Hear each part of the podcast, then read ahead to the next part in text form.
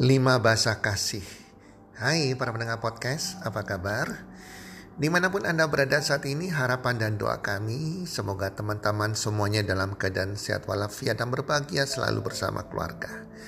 Dan pasti-pastinya rezeki Anda akan makin bertambah terus dari hari ke hari, bulan ke bulan Serta keberuntungan dan kesuksesan menyertai teman-teman semua sepanjang tahun ini.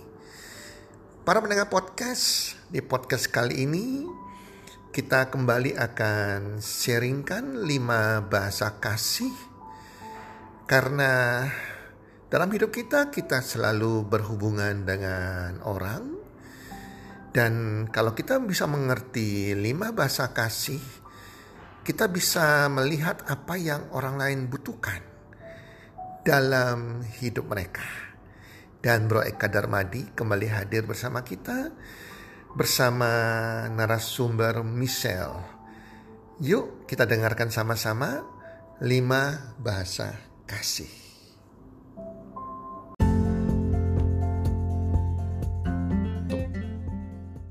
Halo semua, pada episode podcast kali ini dengan judul 5 bahasa kasih.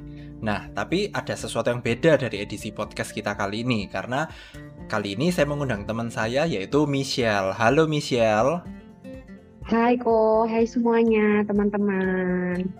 Thank you ya Michelle udah mau meluangkan waktu untuk mengisi episode podcast kita kali ini ya Michelle ya.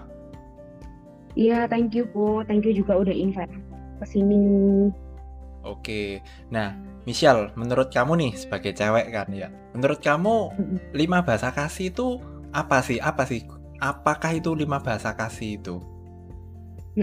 Jadi menurut Michelle, kalau misalnya bahasa kasih itu sebetulnya Tuhan tuh udah kasih sih di dalam diri setiap orang, mulai dari kita kecil sampai kita dewasa itu adalah bahasa kasih yang nanti akan kita bahas ya kok ya. Itu kan Yoi. nanti akan terjadi. Dan kenapa sih pentingnya kita tuh juga mengetahui bahasa kasih? Itu tuh supaya Tuhan tuh pingin kita itu nggak cuma memahami tentang diri kita sendiri, tapi kita juga bisa memahami orang lain dari bahasa kasih itu gitu. Oke. Nah, jadi pentingnya bahasa kasih itu supaya kita itu bisa memahami orang lain gitu ya, Shell ya. Benar, jadi nggak cuma melihat itu tuh dari sudut pandangnya kita sendiri atau memperlakukan orang lain itu menurut apa yang kita inginkan, tapi lebih ke arah kita tuh bisa ngelihat apa sih yang orang lain butuhkan kayak gitu kok. Oke. Nah, sekarang Michelle bisa nggak sih sebutin uh, kan bahasa kasih itu tadi katanya ada lima. Nah, lima bahasa kasih itu ada apa aja sih? Oke, jadi lima bahasa kasih itu itu ada yang pertama adalah quality time atau waktu yang berkualitas. Yang kedua ada word of affirmation. Terus ada receiving gift juga atau hadiah gitu. Terus yang keempat ada act of service atau pelayanan. Terus yang kelima itu ada physical touch atau sentuhan. Oke. Nah, gini. Kan tadi ada lima ya. Ini kita habis gini kita Hmm. bahas satu-satu ya. Dan kalau bisa sih Boleh, Michelle kasih contoh dari sudut pandang Michelle ya. Karena di podcast yang sebelumnya itu kan saya ngasih contoh-contohnya kan lebih ke arah karena saya ini cowok ya lebih ke arah cowok ya. Tapi kali ini aku minta kalau bisa sih kamu kasih contoh-contohnya yang yang relevan buat para ladies ya, para cewek-cewek ya, Shell ya. Oke? Oke, siap kok. Oke. Nah, sekarang kita bahas dulu yang pertama nih, tentang quality time. Kamu mungkin bisa jelasin dulu bahasa kasih quality time itu apa dan contoh-contohnya itu kayak gimana? Oke, jadi uh, untuk yang quality time itu kan waktu yang berkualitas. Jadi intinya entah itu pria atau wanita yang punya bahasa kasih ini, mereka tuh lebih pingin untuk uh, sekedar ngobrol gitu ya. Mungkin ngobrolnya itu nggak panjang, contohnya itu. Jadi contohnya mungkin ngobrolnya nggak panjang, cukup ngobrolnya sekedar sebentar aja, at least tuh dikasih kabar kayak gitu loh. Seringkali kan kadang ya cowok mungkin lebih cuek ya kok ya. Lebih ke arah cuek. Jadi sering kali kalau cowok itu udah asik sama gamenya ataukah mungkin cowok itu sudah melakukan hobinya nah itukah mungkin uh, basket atau mungkin uh, golf atau main futsal dan lain-lain mereka tuh sering kali lupa gitu loh untuk kasih kabar ke ceweknya. Padahal menurut si cewek, cewek itu kadang itu nggak butuh kabar yang panjang banget nggak perlu kayak gitu ya dijelasin dari pagi sampai malam ngapain aja tuh nggak perlu. Sometimes tuh cuma kayak ya udah sekedar kayak eh sorry ya aku nggak bisa balas chatmu sekarang karena aku lagi kayak gini. Nah itu kalau cewek itu udah it's enough kayak gitu loh. Nggak perlu yang panjang lebar tapi yang penting ada quality time juga gitu sih.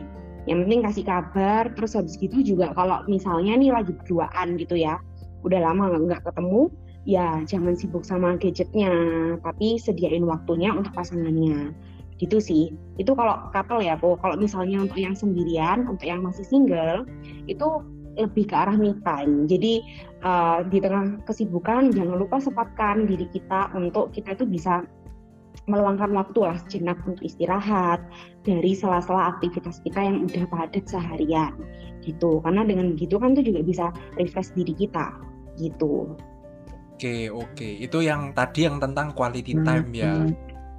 Nah, yes, kalau yang yang tentang words of affirmation ini kayak gimana? Hmm, kalau word of affirmation ini ini lebih ke arah kayak pujian ya, Bu.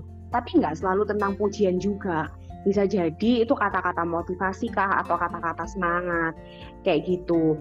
Jadi kalau untuk couple pasangan ya usahakanlah untuk memuji pasangan kalian kayak gitu meskipun meskipun uh, penampilannya hari itu mungkin nggak oke okay, ataukah mungkin dia lagi dalam keadaan down coba berilah semangat ataukah motivasi supaya dia merasa kayak ya dia itu nggak sendirian gitu terus untuk yang single itu kalau bisa seringlah uh, berkaca dan seringlah mengatakan kepada diri kita sendiri bahwa diri kita sendiri itu hebat, diri kita sendiri itu mampu untuk ngerjain uh, pekerjaan-pekerjaan ataukah uh, kepercayaan yang dipercayakan kita sekarang kayak gitu. Jadi uh, sebelum menyemangati orang lain, ada alangkah baiknya juga kita bisa menyemangati diri kita sendiri. Oke, nah kalau yang tadi yang soal words of affirmation yang yang untuk couple itu ya, kan Michelle bilang hmm harus memberikan semangat ke pasangannya. Nah, itu mungkin bisa dikasihin contoh. Contoh kata-kata semangat buat pasangan itu kayak gimana sih? Gitu. Hmm. Oke, mungkin bukan kata-kata yang lebih gimana sih kok, tapi sometimes itu, misal si cewek lagi dalam ada masalah, terus habis itu si cewek cerita gitu ya. Terus just simply si cowok cuma bilang kayak oke okay, I support you kayak gitu ataukah kata-kata simpati atau kata-kata empati gitu ya bahwa uh, oke okay, tenang kamu nggak sendirian itu sih itu yang terus kalau bisa juga disertai dengan penyelesaian masalah juga diskusi bareng-bareng itu lebih oke okay sih gitu. Hmm, oke okay, oke. Okay. Nah sekarang kita lanjutin ya. Yang berikutnya ini bahasa kasih yang act of service. Gimana ini kalau yang act of service? Kalau act of service itu itu lebih ke arah kayak kita melayani kok atau pelayanan gitu ya. Misalnya contohnya itu lebih ke arah kayak membantu. Membantu apa sih yang bisa kita lakukan buat pasangan kita? Misalnya pasangan kita itu lagi ada proyek gitu ya, proyek yang mungkin uh, banyak banget gitu. Nah, kita bisa bisa bertanya sama pasangan kita, kayak apa sih yang bisa aku bantu? Kayak gitu. Jadi ataukah langsung turun tangan, turun tangan dalam membantu menyelesaikan. Katakanlah nih, misalnya si cewek ini lagi sibuk banget gitu kan. Nah, terus si cowok ini tahu kalau si cewek ini sibuk, sedangkan masih ada barang yang harus diantar. Nah, si cowok itu bisa inisiatif untuk uh, langsung pesenin Gojek atau apa kayak gitu aplikasi yang membantu si ceweknya ini juga dalam membantu pengiriman barang kayak gitu. Gitu. Kalau misalnya untuk yang single itu uh, juga sih bisa kita kita lakukan mungkin uh, membantu, dengan membantu teman kita juga kayak gitu. Dengan kita bekerja sama dalam sebuah tim membantu tim kita atau kelompok kita apa sih yang bisa dibantu? Apa sih yang bisa kita kerjakan untuk membantu tim ini sama-sama maju?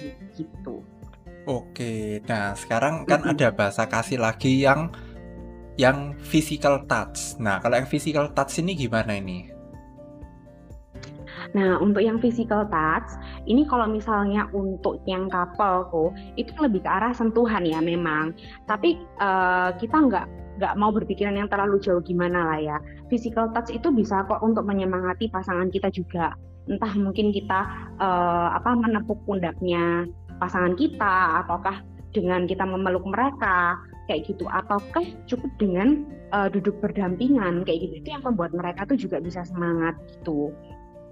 Nah untuk yang single itu juga bisa nih uh, dia skincarean gitu kan. Terus habis gitu juga uh, dengan ya intinya lebih ke arah kayak uh, menyentuh diri kita juga sih gitu. Hmm, kayak gitu ya. Oke, oke. Nah, yang terakhir nih, ini kan tentang receiving gift. Kalau yang receiving gift ini gimana ini? Nah, untuk yang terakhir ya kok ya, receiving gift ini pemberian hadiah gitu.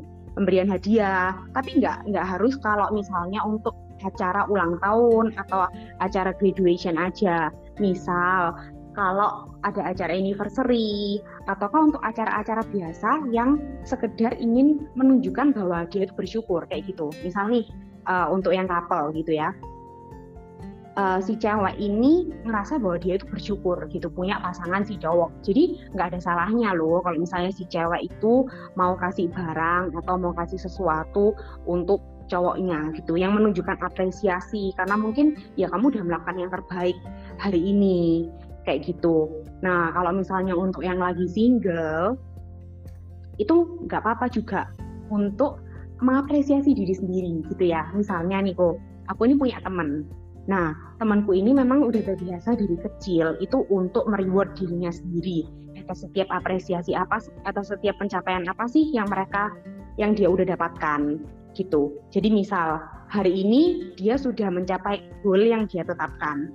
Nah, dia beli tuh misal oke okay, aku beli makanan apa? Misal pizza kayak atau mungkin uh, burger gitu. Tapi itu untuk mereward dirinya sendiri.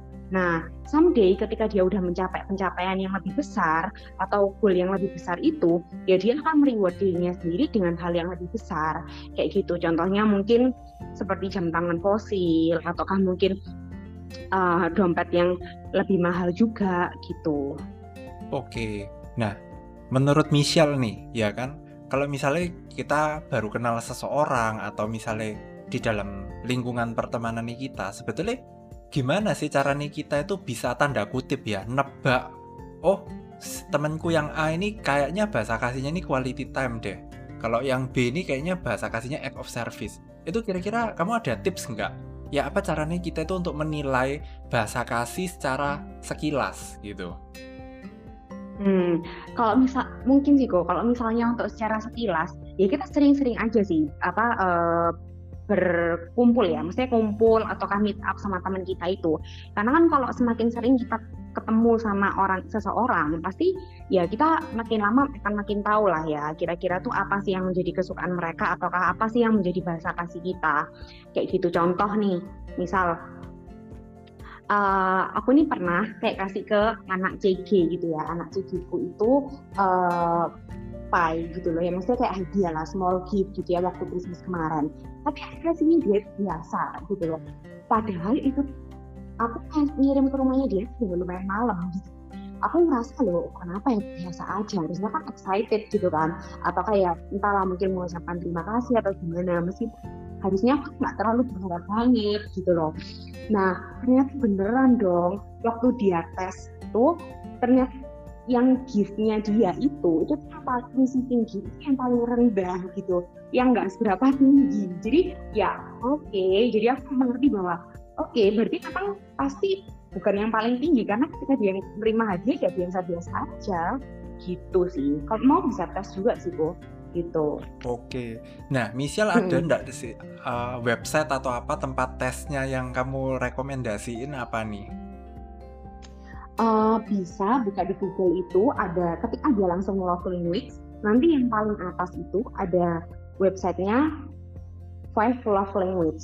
Nah itu nanti kita bisa ambil di sana tesnya itu ada banyak sih. Ada untuk yang udah couple, ada yang untuk uh, single, ada yang untuk youth juga sih gitu. Jadi kalau misalnya mau ambil bisa di sana dan seingatnya Minsik sih itu juga bisa di email. Jadi uh, tentang hasil kita nanti kan muncul kan itu berapa persen, berapa persen, berapa persen yang paling tinggi apa, yang paling rendah apa kayak gitu. Itu biasanya nanti bisa di email kan ke tempatnya kita. Jadi kita ingat oh bahasa risiko yang tertinggi itu apa sih gitu. Oke oke. Nah yang terakhir nih. Michelle mungkin ada kata-kata motivasi untuk para pendengar nggak ini? Ada kalau sedikit aja ya kok ya nggak apa ya. Nggak apa-apa Oke, jadi uh, sering kali mungkin kalau misalnya kita udah terlibat dalam suatu hubungan gitu ya, kita udah pacaran, sering kali ketika kita mungkin mengetahui bahasa kasih pasangan kita atau mungkin nggak tahu tentang bahasa kasih pasangan kita, kita sering kali itu punya ekspektasi yang tinggi gitu loh bahwa mereka tuh bisa ngerti kita. Tapi kalau bisa sih, jangan sampai kita tuh punya ekspektasi yang benar-benar tinggi juga sama pasangan kita. Karena ingat sama-sama kita itu masih sama-sama manusia yang masih punya kelemahan dan kekurangan juga.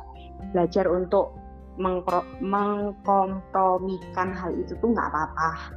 Gitu sih. Dan jangan anggap sepele tentang bahasa kasih ini karena kenapa menurut aku tuh penting juga bahasa kasih karena ya itu sih selain kita tuh harus tahu tentang bisa mengerti apa yang pasangan kita butuhkan juga supaya apa yang kita berikan selama ini ke pasangan kita itu nggak sia-sia. Misal ya uh, aku tuh ngerasa bahwa uh, bahasa kasihku yang tertinggi adalah gift. Dan aku memberikan uh, hadiah terus pasanganku gitu kan. Tapi ternyata bahasa kasih pasanganku itu adalah quality time gitu. Sebenarnya apa pun hadiah yang mungkin aku bakal kirimkan ke dia atau ke cowok kirimkan ke aku itu nggak akan berarti ketika kita tuh nggak tahu bahasa kasih mereka. Jadi yuk sama-sama kita uh, pelajari dulu apa sih bahasa kasih kita. Setelah kita tahu apa yang menjadi bahasa kasih kita, usahakanlah untuk kita bisa tahu apa sih yang menjadi bahasa kasih pasangan kita. Jadi supaya hubungannya ini tuh nggak menghambat gitu loh, tapi juga bisa sama-sama saling improve dan sama-sama bisa saling gitu. Oke, thank you banget ya Michelle ya, powerful banget loh ini pesan-pesan terakhirnya ini Michelle. Nah, thank you ko. Nah, oke okay, buat para pendengar ya, ini adalah sekian dari episode kita kali ini. Sampai jumpa di episode kita selanjutnya. Dadah. Dah.